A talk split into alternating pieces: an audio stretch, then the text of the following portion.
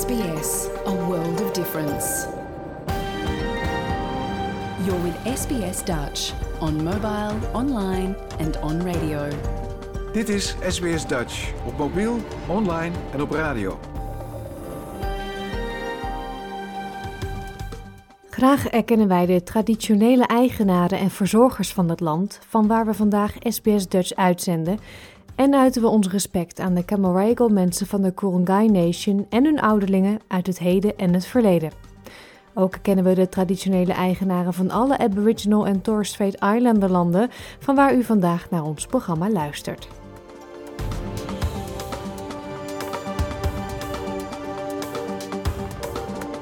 Goedemorgen, mijn naam is Paulien Roesink. Het is 27 mei 2023 en u luistert naar SBS Dutch, het Nederlandstalige radioprogramma van SBS. Vandaag hoort u alles over de experimentele operatie waardoor de verlamde Nederlandse Geert-Jan Oskam weer kan lopen. We bellen met Willem van den Hogen van Stichting Nederlanders Buiten Nederland over het aanstaande Kiescollege Festival. We praten over podcastseries, want EKIF heeft weer drie nieuwe fijne luistertips. De nieuwe Settlement Guide gaat over het vinden van een huurwoning. En we hebben het willekeurige weekoverzicht van nieuws uit Nederland voor u. Al met al dus een hartstikke vol programma, dus laten we snel beginnen. Dit is SBS Dutch.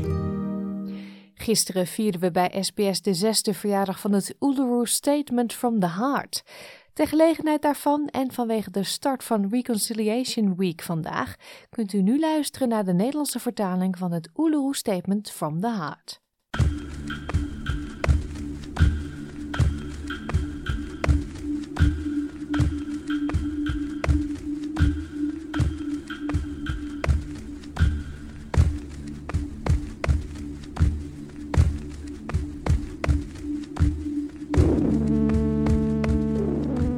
Mei 2017 kwamen Aboriginal en Torres Strait Islander gedelegeerden samen in Uluru ter gelegenheid van de First Nations National Constitutional Convention.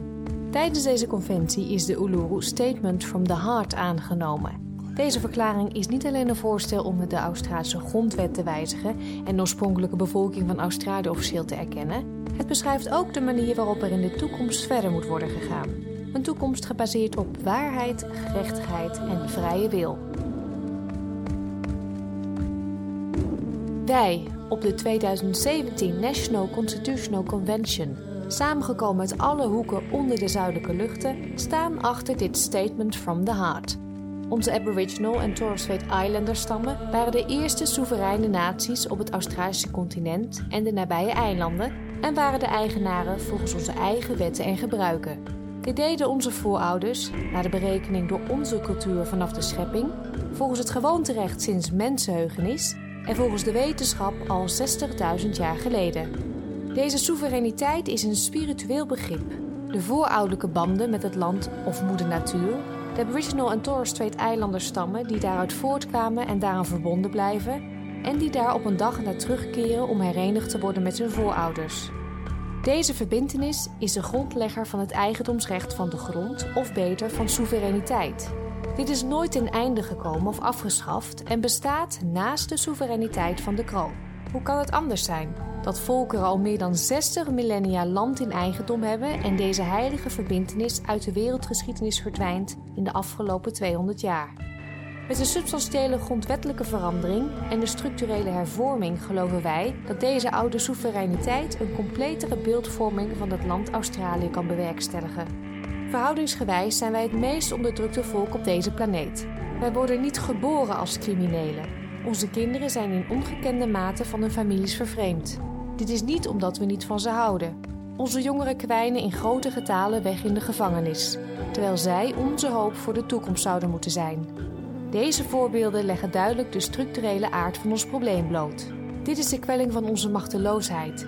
We streven naar grondwettelijke hervormingen ter ondersteuning van onze volkeren en willen een rechtmatige plek in ons eigen land. Als wij invloed hebben op ons eigen lot, dan zullen onze kinderen floreren. Zij zullen in twee werelden leven en hun cultuur zal een geschenk zijn voor hun land. Wij pleiten ervoor dat de oorspronkelijke bevolking een stem krijgt in de grondwet. Makarata is het belangrijkste punt op onze agenda. Het samenkomen naar een moeilijke tijd. Het geeft onze ambities weer voor een eerlijke en waarheidsgetrouwe band met de bevolking van Australië en een betere toekomst voor onze kinderen. Dit alles gebaseerd op gerechtigheid en uit vrije wil. Wij willen een Makarata-commissie in het leven roepen om de onderhandelingen tussen overheden en de oorspronkelijke bevolking te begeleiden en om de waarheid over onze geschiedenis te vertellen. In 1967 kregen we stemrecht en in 2017 willen we gehoord worden. We verlaten het basiskamp en beginnen aan onze trektocht door dit uitgestrekte land. We nodigen je uit om met ons mee te lopen naar een betere toekomst voor de Australische bevolking.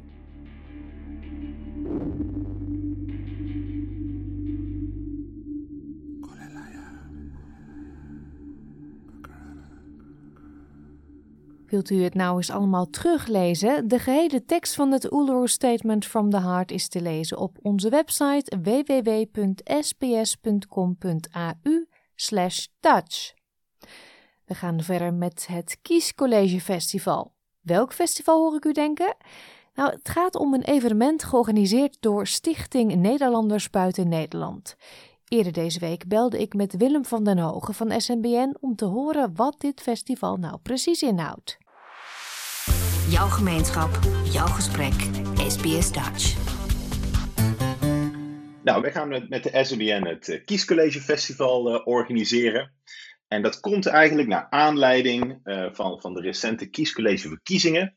Waar eigenlijk een unicum. Het is voor de eerste keer dat Nederlanders in het buitenland mogen stemmen voor de Eerste Kamer. En ze hebben dat gedaan uh, door middel van het verkiezen van een kiescollege, een soort van dertiende provincie.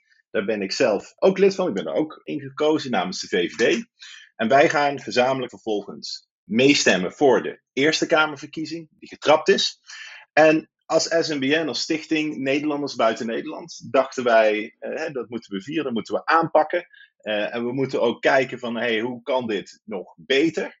En daarom hebben wij voor aanstaande zondag, zondag de 28e, het Kiescollege Festival georganiseerd.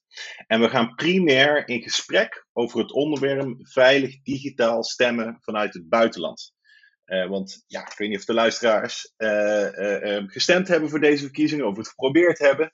Maar met enveloppen en, en post die niet aankomt. En ja, eigenlijk al heel ver van tevoren is het, is het hele proces uh, ja, een beetje 19e eeuws.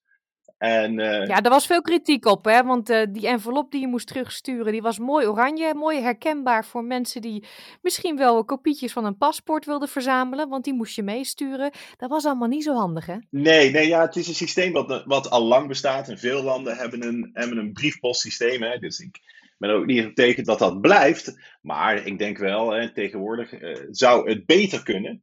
En zo hebben wij onder andere zijn wij het gesprek aangegaan met e-Estonia, met Carmen Raal van, uh, van e-Estonia. Dat is een, uh, dat is een overheidsorganisatie.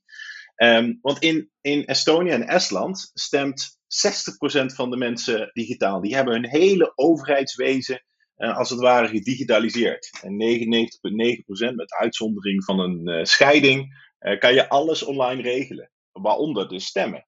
Toen dacht ik, ja, dat is interessant. Daar moeten we van, uh, van leren. En in Frankrijk hebben ze pas geleden voor de presidentsverkiezingen uh, hebben ze online gestemd. Dus wij dachten, laten we daar eens wat dieper op ingaan. Dus we hebben interviews afgenomen en we komen live in. We hebben een studio gehuurd in Den Haag. Waar onder andere VVD-Kamerlid Ruben Brekelmans en D66-Kamerlid Hindekker Abdulaziz hun visie op digitaal stemmen gaat, gaat geven. Um, en kijken of er mogelijk ruimte is om dat uh, ook voor ons Nederlanders in het buitenland voor elkaar te krijgen.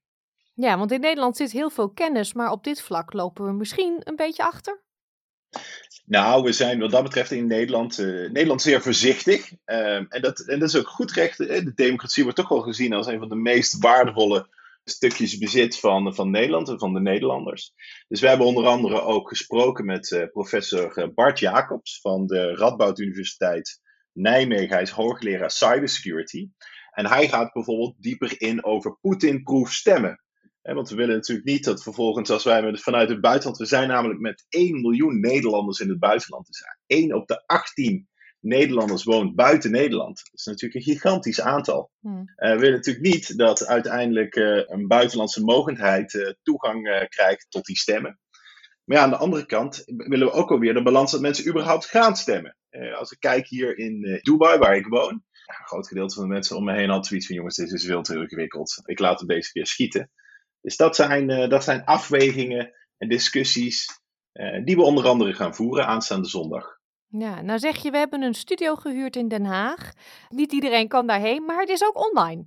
Klopt, klopt. Het wordt op uh, Zoom uitgezonden. We hebben het zo in proberen te richten dat er zowel voor mensen in Australië als Europa en de Verenigde Staten de tijden enigszins uh, goed werken. Dus we hebben een voorprogramma gemaakt tussen 1 en, en 2 uur Nederlandse tijd. Met een aantal interviews die we opgenomen hebben. Vervolgens om twee uur Nederlandse tijd gaan we live. En dan zijn de, de live discussies, dan zijn de interviews. We hebben ook een uh, cabaret optreden met Greg Shapiro. Hij is een Nederlands-Amerikaanse stand-up comedian. En dan vervolgens hebben we na het live gedeelte, wat omstreeks vier uur sluit, hebben we weer een vooropgenomen gedeelte. En dat is dan voor de mensen die in, uh, in de Verenigde Staten wonen. Dus ja, bij jullie begint het, begint het voorprogramma om 9 uur Melbourne tijd. En het hoofdprogramma om, uh, of het live gedeelte om, uh, om 10 uur. 10 uur s'avonds Melbourne tijd, zondag de 28e. Ja, dat is te doen. Westkust is dat dus vanaf 7 uur s'avonds en het live gedeelte om 8 uur. Um, nou zie ik nog iets anders op het programma staan. Um, wat heel veel mensen natuurlijk aanspreekt. Update dubbele nationaliteit. Klopt, klopt. Binnen de SNBN het hoofdonderdeel, het hoofdonderwerp waar, waar heel veel Nederlanders in het buitenland tegenaan lopen uh, is de problematiek rondom de dubbele nationaliteit en de issues die dat met zich meebrengt. Eelco Keij, onze, onze voorzitter, gaat in gesprek met Hermie Voer uh, van Everhard Advocaten en uh, gaat een update geven over dubbele nationaliteit, waar we momenteel staan, welke ontwikkelingen er zijn geweest. ongeveer een half jaar geleden is er ook een webinar over geweest vanuit de SNBN. En hier, ja, hier komt meer een bredere update over dit onderwerp. En ja, zo proberen we verschillende items in dit festival te pakken. Ja, dat uh, klinkt reuze interessant. Volgens mij uh, heel informatief. Aanmelden is wel even belangrijk, hè, want je wil die link ontvangen. We zullen de link op onze website zetten, www.sps.com.au Dutch. Ik dank je wel en ik wens je heel veel succes voor zondag, Willem. Ja, dat gaat zeker lukken. Ik kijk ernaar uit. Meer informatie en de aanmeldlink voor de Zoom-meeting vindt u zoals gezegd op onze website www.sbs.com.au/dutch. Volgens mij is het de hoogste tijd voor wat fijne Nederlandstalige muziek. Op 26 en 27 mei 1980 werd voor een geselecteerd publiek in de Hilversumse Wisseloord het album Live van Ramses Shaffi opgenomen. Shaffi begeleidde zichzelf op de piano. Op dit album staan onder meer We leven nog, Heintje, Het kan dus toch, Twee deftige dames en Het is stil in Amsterdam.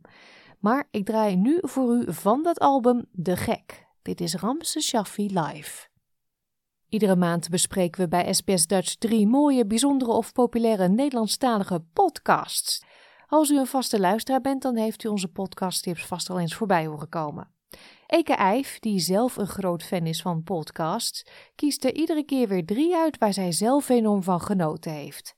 In deze aflevering van de Podcast Podcast kunt u genieten van bijzondere verhalen van journalistieke grootheden, zich verbazen over wat men honderd jaar geleden al wist over de sterren en meezingen met opmerkelijke muzikale eendagsvliegen.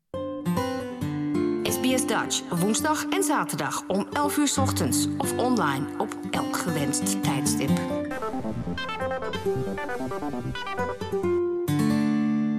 Eka, ik heb eigenlijk altijd wel zin in onze gesprekjes, maar vandaag extra, want jij stuurt natuurlijk altijd vooraf welke drie podcastseries je wil bespreken.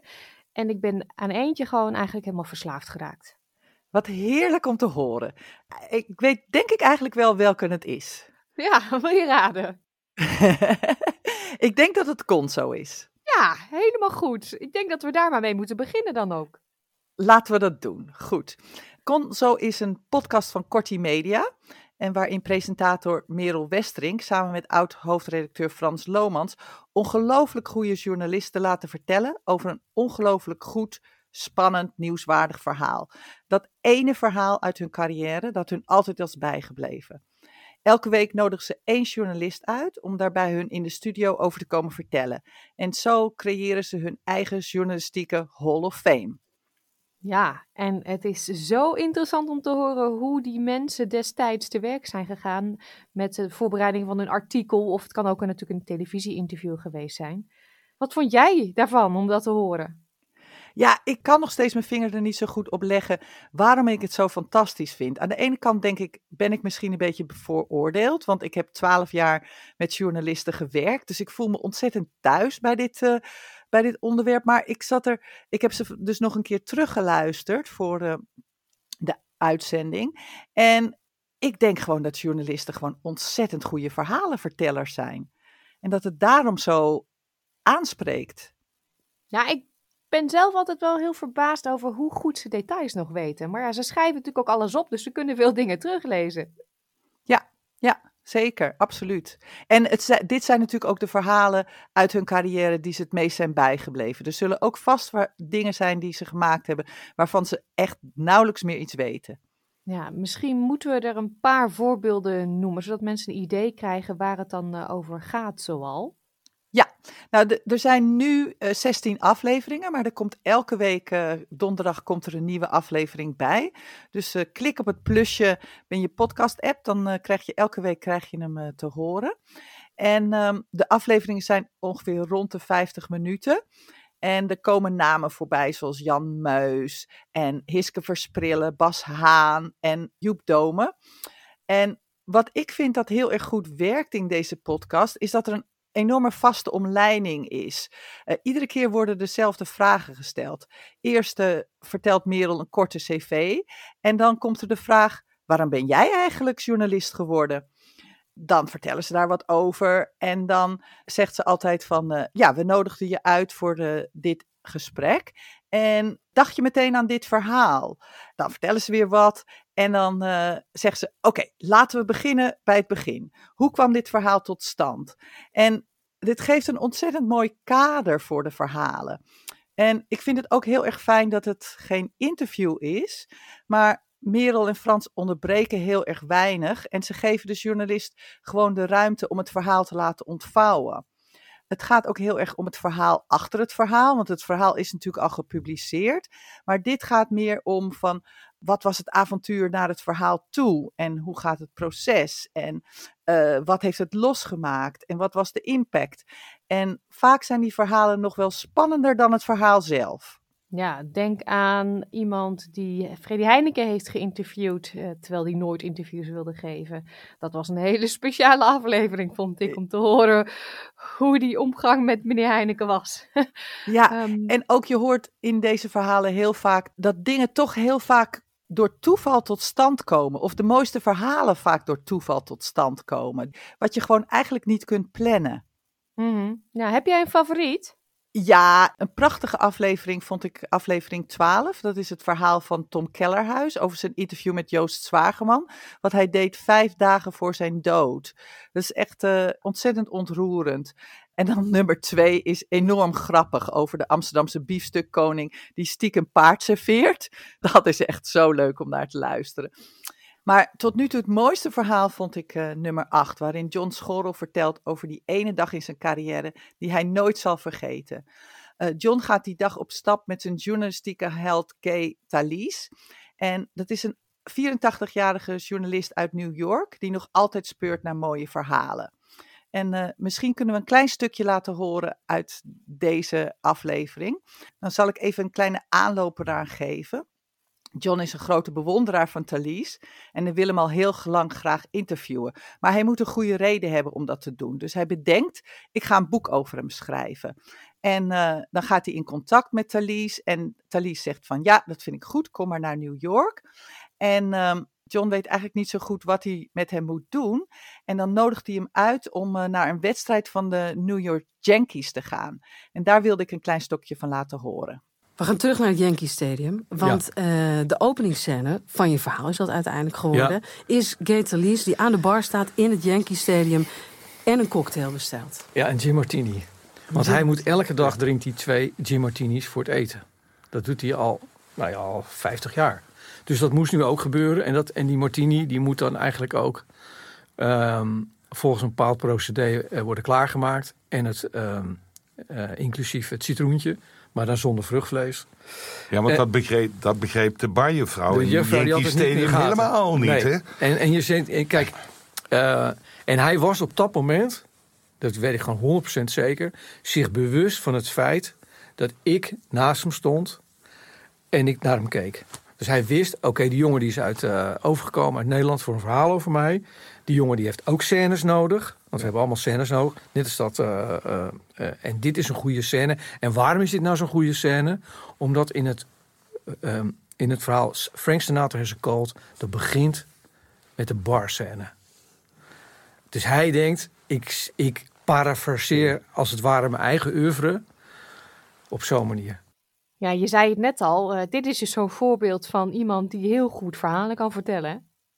Ja, absoluut. En ook een andere journalist wordt dan geïnterviewd. En die weet ook precies wat je moet doen om een goed verhaal te creëren. Ja, ja. Persoonlijk, ik, ik was echt heel blij met deze tip van jou. En voor mij is dit ook eh, de podcast waar ik het meeste naar uitkijk eh, in de week. Dat die weer nieuw in mijn podcastfeed staat. Grappig, hè? Ehm, laten we met de tweede gaan. Eh, we gaan eh, in hogere sferen met deze. Ja, deze podcast heet De Kosmos van Pannenkoek. En hij is gemaakt ter ere van het 100-jarig bestaan van de Anton Pannenkoek Instituut van de Universiteit van Amsterdam.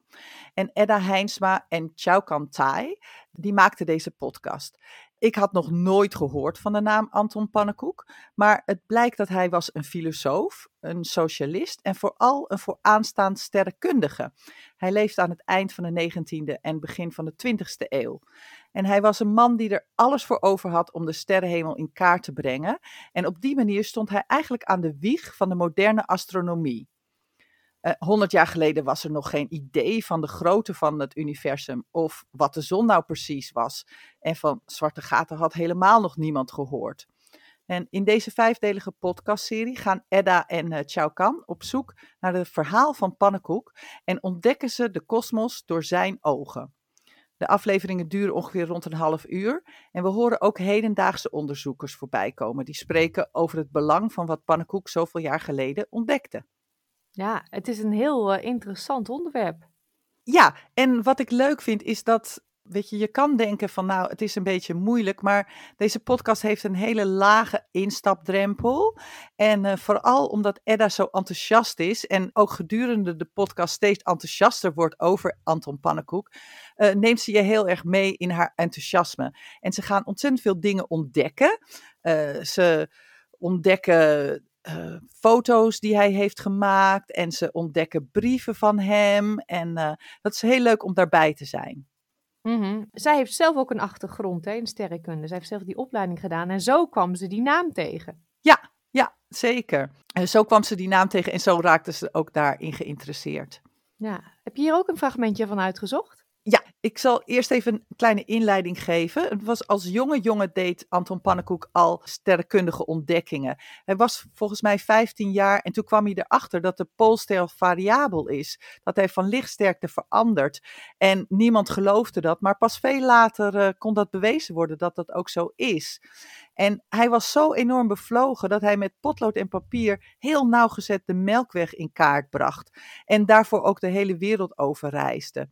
En hij ging zelfs met een enorme entourage op eclipse-expeditie naar het toenmalige Nederlands-Indië om inzicht te krijgen in de raadselen van de zon. En uh, dat wordt in die podcast wordt dat helemaal verteld, hoe dat voorbereid wordt en wat ze allemaal moeten doen. En natuurlijk een hele reis naar Nederlands-Indië. En het fragment wat ik wil laten horen is dan als ze daar zijn en als dan de eclipse gaat beginnen. Alle procedures zijn honderd keer doorlopen. Vijf minuten voor het tweede contact worden op het sein spiegels, de deksels daarvan afgenomen. Van minuut tot minuut.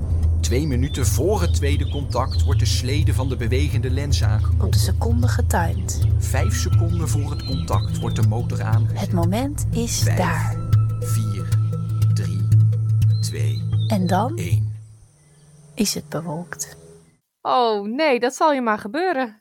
Ja, dat is natuurlijk altijd met, uh, met onderzoek. Je weet nooit wat er op je pad komt. En uh, soms kunnen dingen ontzettend lukken, maar soms ook enorm mislukken. Ja, maar heel erg leerzaam deze podcast. Ja, en wat ik heel leuk vind aan deze podcast, is dat die pannenkoek een enorm bijzonder persoon is. Want naast dat, dat hij een enorm getalenteerd sterrenkundige is, is hij ook filosoof en communist. En uh, dat bracht hem soms in uh, moeilijke posities, want het was nou niet een uh, geliefde ideologie in het Nederland van de begin 20e eeuw. Dus je leert in deze podcast heel veel uh, en het leuke is, het wordt op zo'n manier gebracht dat je leert heel veel terwijl je het niet doorhebt dat je aan het leren bent. Het is een spannend verhaal, het wordt heel begeesterd verteld en die pannenkoek zelf is ook enorm begeesterd. En het is niet schools. En ik vond vooral de dagboekfragmenten vond ik prachtig om te horen. En dat wordt dus voorgelezen door een acteur.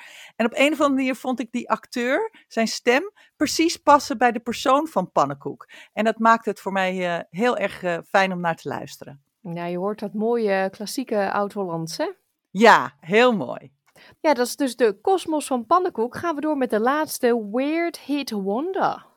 Ja, het is weer een heel andere podcast. Uh, het is een reeks vrolijke verhalen over vreemde hits. En liedjes die vast niemand in zijn top 2000 lijstje zet, maar die destijds razend populair waren. In uh, 17 afleveringen ontleed Atze de Vries voor de NPO Radio 2 en de VPRO het toevallige ontstaan van deze liedjes en onthult de verhalen erachter. Het is echt een trip down memory lane. Want je zult de meeste liedjes wel herkennen en zelfs mee kunnen zingen, maar je doet dat terwijl je tenen zich krommen van irritatie. De meeste Weird Hit Wonders worden in een half uurtje in elkaar geflanst en zijn nauwelijks serieus te nemen. En toch werden ze gigahits.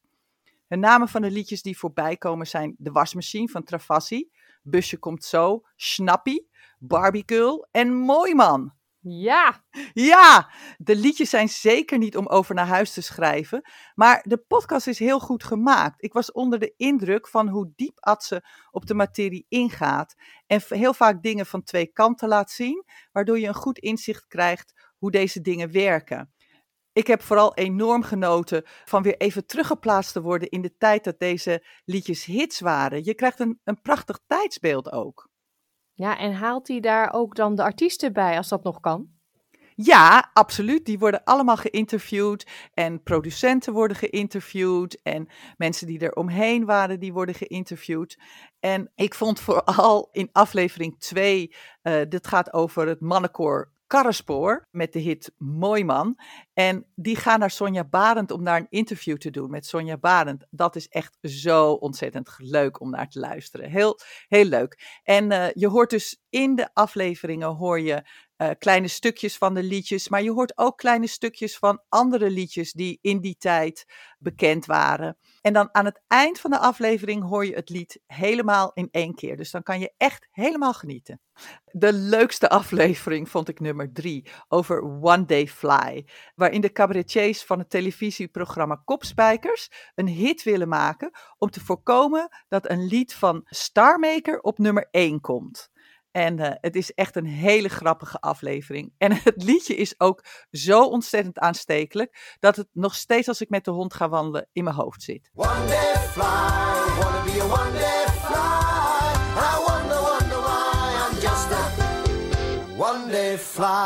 Ja, en het loopt als een trein, jongen. Ja, ja, ja. ja. Zal ik even zeggen wat we al, allemaal hebben? Nou, we hebben dan al een gesprek gehad met de platenmaatschappij. Ja. Uh, 17, even kijken, dinsdag 17 april fotosessie. Uh, er goed uitzien, hè? ja, ja, 19 april krijgen we danslessen. 20 april hebben we George Baker in de studio, want die gaat het pro produceren waarschijnlijk. Dan, gaan we, dan hebben we 24 april, dinsdag, vallen we live binnen ergens bij een programma. 26 april fotosessies weer, dan krijgen we kopspijkers. 28 april krijgen we de Gouden Plaat. Ja. Dan hebben we op 1 mei komt een groot negerinnenkoor erbij. 2 mei hebben we de Telegraaf. Dan hebben we 5 mei hebben we eerst Kopspijkers. En dat is de release ook. Want dan gaan we met een helikopter naar Bevrijdingspop. Want Ilse de Lange die mag niet zingen. Wij wel. En wij gaan daar uh, ja. onze single... Het allemaal echt gebeuren. Hij komt dan uit. En dan 6 mei gaan we tekenen bij Fame hier in Amsterdam. En dan ja, nou, uh, dat liedje zit nu de hele dag in mijn hoofd. Eka, dank je wel. Ja, en het is hartstikke leuk, want er zijn dus 17 liedjes. Dus je kan gewoon kijken van welke ken ik nog en welke wil ik absoluut niet meer aan herinnerd worden. En uh, die kan je dan luisteren. Maar het is echt, het is een hele goed gemaakte podcast en het is uh, gezellig om naar te luisteren. En eindelijk onze muziekpodcast. Ja, ja ik, eh, dit, eh, dit is eh, geen probleem om naar te luisteren. Je kan het gewoon spelen. Ja. Nou, ik zeg weer een heel mooi eh, drietal. Zullen we ze weer noemen, zoals altijd? Ja, de eerste is eh, Gonzo, journalisten die een prachtig verhaal vertellen. De tweede is de kosmos van Pannenkoek, waarin je meegenomen wordt naar de geschiedenis van de sterrenhemel. En dan de laatste is Weird Hit Wonder, om lekker mee te zingen en je te irriteren. Dankjewel, Eka. Tot volgende maand. Ga voor meer podcasttips van Eka naar onze website www.sbs.com.au Dutch. Bijzonder nieuws nu. Een Nederlandse man die door een fietsongeluk verlamd raakte, kan na een experimentele operatie in Zwitserland weer lopen. Neurowetenschappers en chirurgen hebben een draadloze verbinding tot stand gebracht tussen zijn beschadigde ruggengraat en hersenen.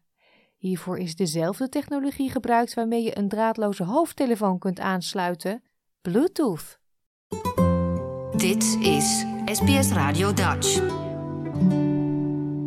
Gertjan Oskam liep 12 jaar geleden na een fietsongeluk een dwarslesie op, waardoor hij verlamd raakte. Dankzij de nieuwe ingreep kan hij staan, lopen en zelfs traplopen. Within 5 to 10 minutes, I could control my uh, uh, hips. Like they were, rea- like the brain uh, implant uh, picked up what I was doing with my hips. So that was uh, like yeah, the best outcome, I think, for everyone. De operatie werd geleid door Grégoire Courtin, hoogleraar neurowetenschappen aan de Zwitserse onderzoekscentra EPFL, CAUV en UNIL. We are recording electrical signal generated by the brain, so we need to decode this signal. And for this, we use artificial intelligence that predict the thought of the patient. And then another artificial intelligence that encode the desired movement into stimulation of the spinal cord. So of course, the patient is not walking normally as us, uh, able-bodied person, but you know we have some kind of a cyborg, you know, where that you know have artificial intelligence extracting information and enabling to restore digital communication. Professor Courtin zegt dat om te kunnen lopen, onze hersenen het juiste commando moeten sturen naar een specifiek gebied van het ruggenmerg dat verantwoordelijk is voor het controleren van bewegingen. Toen Gert-Jan zijn ongeluk kreeg, ging deze communicatie tussen het ruggenmerg en de hersenen kapot. Doktoren hebben het nu kunnen herstellen door implantaten te plaatsen op het hersengebied dat verantwoordelijk is voor beweging en op het ruggenmerg. Neurochirurg Jocelyn Blok legt uit dat toen de draadloze communicatie hersteld was, Gert-Jan bewegingen kon opwekken. We do two different surgeries. There is one surgery at the level of the brain. We do two little craniotomy, put electrodes in order to record the brain signal. And another surgery at the level of the spinal cord where we put electrodes on the top of the spinal cord at the place that is responsible for leg movement. So between these two, there is communication, an electrical communication, a digital bridge that is then reactivated the legs. En dit is toch maar het begin, zo zegt ze, van een lange, zware revalidatie. So when everything is installed, the patient has first to learn how to work with his brain signals. And we also have to learn how to correlate this brain signal to the spinal cord stimulation. But this is pretty short. In a few sessions, everything is linked and the patient starts training. Professor Courtin spreekt van een grote doorbraak. We are almost at the same stage as it was 40 years ago with the first pacemaker, when the patient was walking with a battery to stimulate the heart. So the key next step uh, for the company Onward Medical we are working with is to miniaturize these devices and make them completely wearable and easy to use in daily life. Gert-Jan geeft toe dat het trainingswerk en revalidatie zwaar was, maar hierdoor is hij nu weer in staat om dingen te doen die de meeste mensen als vanzelfsprekend beschouwen. To just an example, I'm training 10 years to stand up with a friend having a beer. And that's uh, something I think people don't realize. Neurochirurg Jocelyn Blok zegt dat de Bluetooth-technologie hoopgevend is. This project shows something completely new that is not anymore science fiction, but we can give back hope to the people with a spinal cord injury and they will be able to walk again thanks to this digital bridge. Ik kan niet wachten om te zien wat de toekomst ons op dit vlak nog gaat brengen. Prachtig nieuws. Dit was overigens een verhaal van SBS Nieuws en door SBS Dutch vertaald in het Nederlands. Tijd dan nu voor het overzicht van enkele opvallende nieuwsberichten uit Nederland van de afgelopen week, met dank aan de NOS.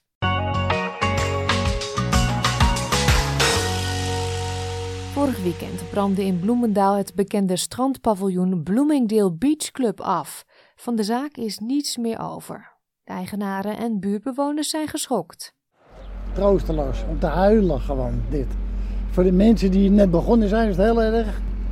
Ja, en dit is weer een stukje nostalgie. Het is voor de mensen die hier werken en een hele hebben houden en een leven, levenswerk zit erin.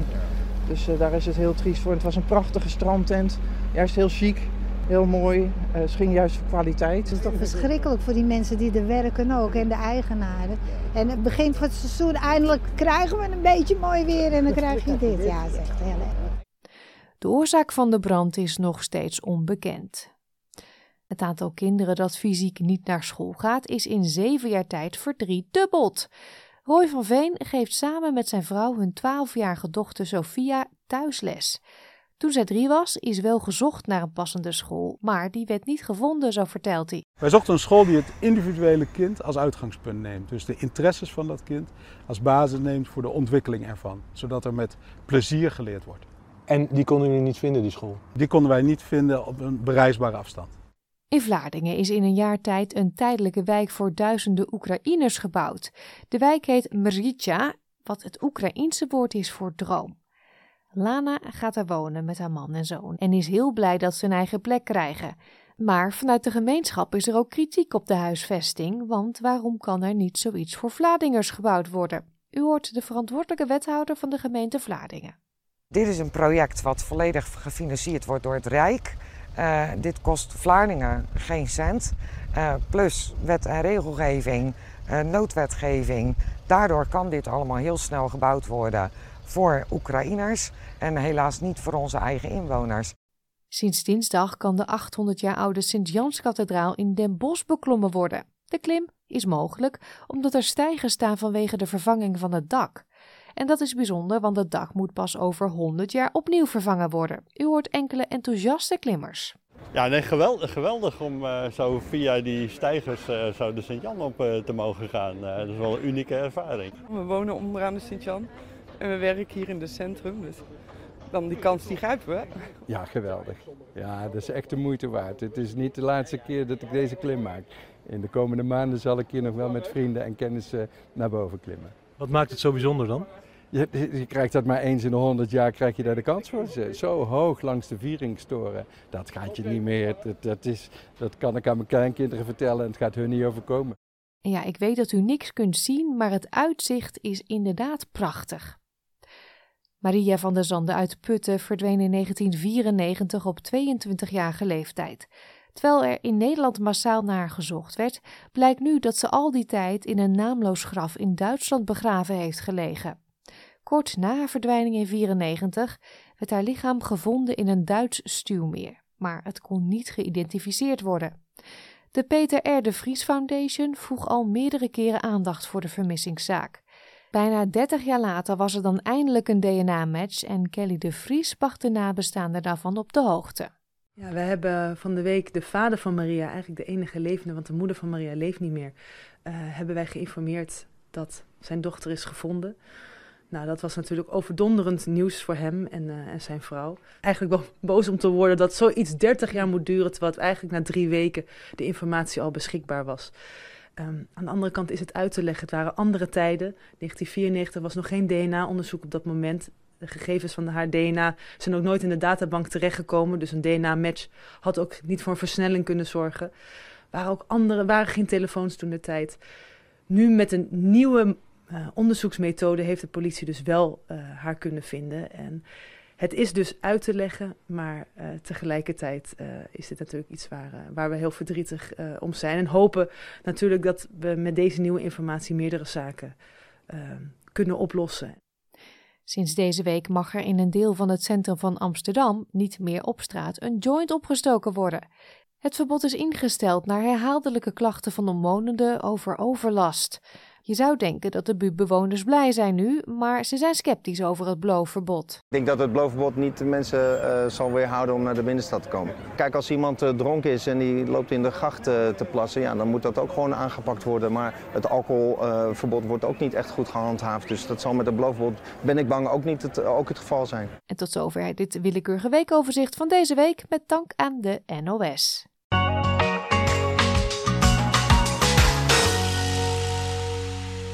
Wellicht had u het zelf al aan de lijve ondervonden, maar op dit moment zijn er in het hele land minder dan 50.000 huurwoningen beschikbaar. Twee jaar geleden waren dat er twee keer zoveel. Met een historisch laag leegstandspercentage is het vinden van een huurwoning moeilijker dan ooit. In deze aflevering van de SBS Settlement Guide leggen we uit hoe de huursector werkt en wat u kunt doen om een succesvolle applicatie in te dienen. SBS Dutch. Deel onze verhalen op Facebook. Het zoeken naar een huurwoning in deze moeilijke markt moet net zo serieus worden genomen als een sollicitatiegesprek. Dat zegt Craig Bader, CEO van het grootste verhuurportaal van Australië, rent.com.au. Hij begrijpt de uitdagingen van het vinden van een woning.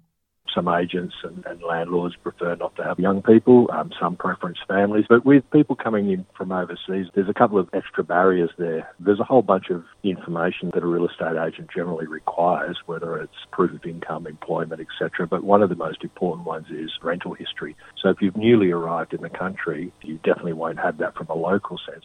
So that adds, I guess, an extra layer of complication. Doorgaans zijn huurwoningen ongemeubileerd en wordt er een huurcontract afgesloten voor een jaar, dat vaak dan nog kan worden verlengd. De meeste huizen worden geadverteerd op verhuursites zoals realestate.com.au, domain.com.au en rent.com.au. Daar staat dan ook vermeld wanneer je de woning kan bezichtigen en wat de wekelijkse huurprijs is. Het is belangrijk om in gedachten te houden dat inspecties meestal 10 tot 15 minuten duren en dat die in het weekend drukker bezocht worden dan door de weeks.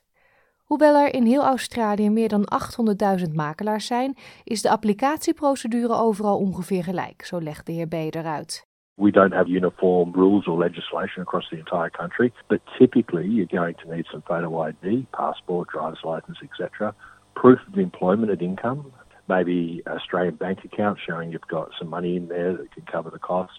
Letter of reference from previous landlords and renting history is a big one. Character references. So they're the normal things that are required. De makelaar beoordeelt iedere aanvraag en dus is het verstandig om de benodigde papieren bij de hand te hebben. Als u niet eerder gehuurd heeft en dus geen huurgeschiedenis kunt overleggen, dan zijn er andere opties die een makelaar zal overwegen.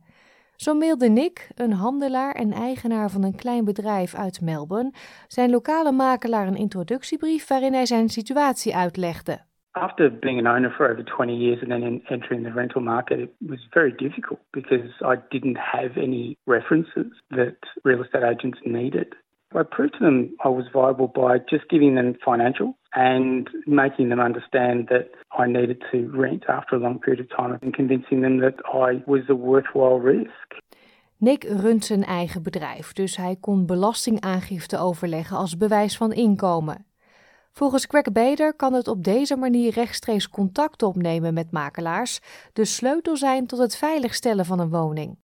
I'd encourage people, if they've narrowed down an area that they want to live in, contacting the local real estate agents, going and visiting a, an agency midweek during an inspection. There is really no time to introduce yourself and build a relationship. So going there midweek, speaking to the person, and taking that opportunity to explain what you're looking for, a little bit about yourself, you're excited, all those sort of things can really help. Als u online reageert, zullen verhuurwebsites en makelaars online hulpmiddelen bieden waarmee u uw gegevens kunt opslaan voor toekomstige applicaties. Aangezien er veel concurrerende applicatietools zijn, kan het wat tijd kosten om al uw gegevens te uploaden naar de verschillende portals. Het geheim om uw kansen om de woning toegewezen te krijgen te vergroten is om met de makelaar te praten voordat u reageert, zo vertelt Greg Bader. Given that renting is such a competitive environment now, the number one thing you need to do is when you go to the property inspection, you ask the real estate agent what is their preferred way of you applying because the typical agent will get applications from multiple different sources ranging from someone that's emailed, someone that's phoned, someone that's applied online. So just check with the real estate agent and that way you can be assured that you're at least in the list to be considered. Ondernemer Nick vond zijn volgende huurwoning zonder online te gaan. Toen zijn omstandigheden veranderd waren, sprak Nick rechtstreeks met zijn makelaar over zijn wens om naar een groter pand te verhuizen. The brilliant part was that the owner had another property that suited me and I was able to move to that one. So that was a really, really positive situation for me. Didn't really think of it at the time as being something that was possible, but it was a question I asked and that question was a really good one. Niks huidige huurwoning is nooit geadverteerd geweest, omdat deze beschikbaar kwam op het moment dat hij de makelaar benaderde. Ook Greg Bader denkt dat er alternatieven zijn voor het uitpluizen van de grote verhuurwebsites. If you start looking at some of the other more common social media sites, there are properties for rent on there. Just be really careful about fraud and scams. So don't agree to something over the phone and wire people money without making sure there's actually a property there, making sure they're actually the owner or the agent. Volgens Greg Bader is het ook zinvol om, als je eenmaal hebt besloten in welk gebied je wilt wonen, connecties te maken binnen die community en gebruik te maken van je netwerk.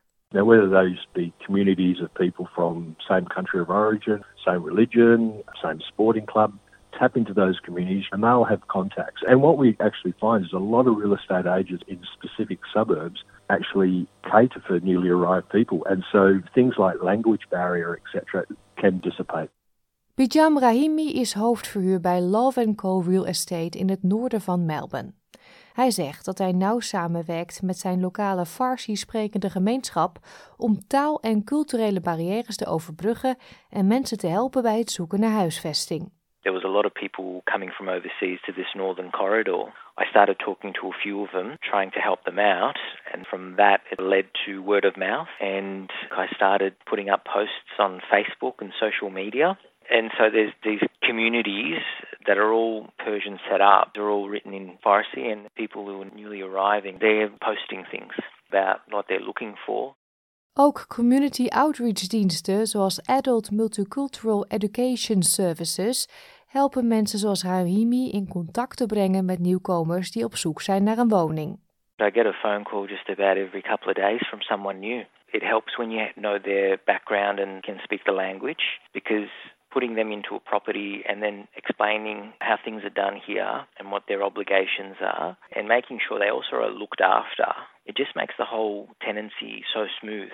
In fact, I'm always looking for people like that because I know as soon as I put them in a property, I'm not going to have a problem.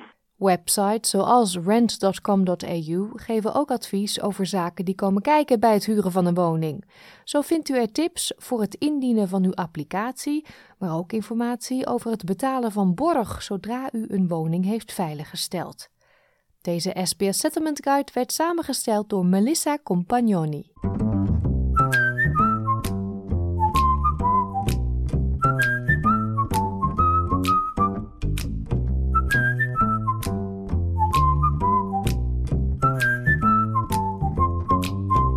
Tot zover deze uitzending van SBS Dutch. Op onze website www.sbs.com.au/dutch kunt u deze aflevering van vandaag en al onze andere verhalen en podcastseries terugluisteren.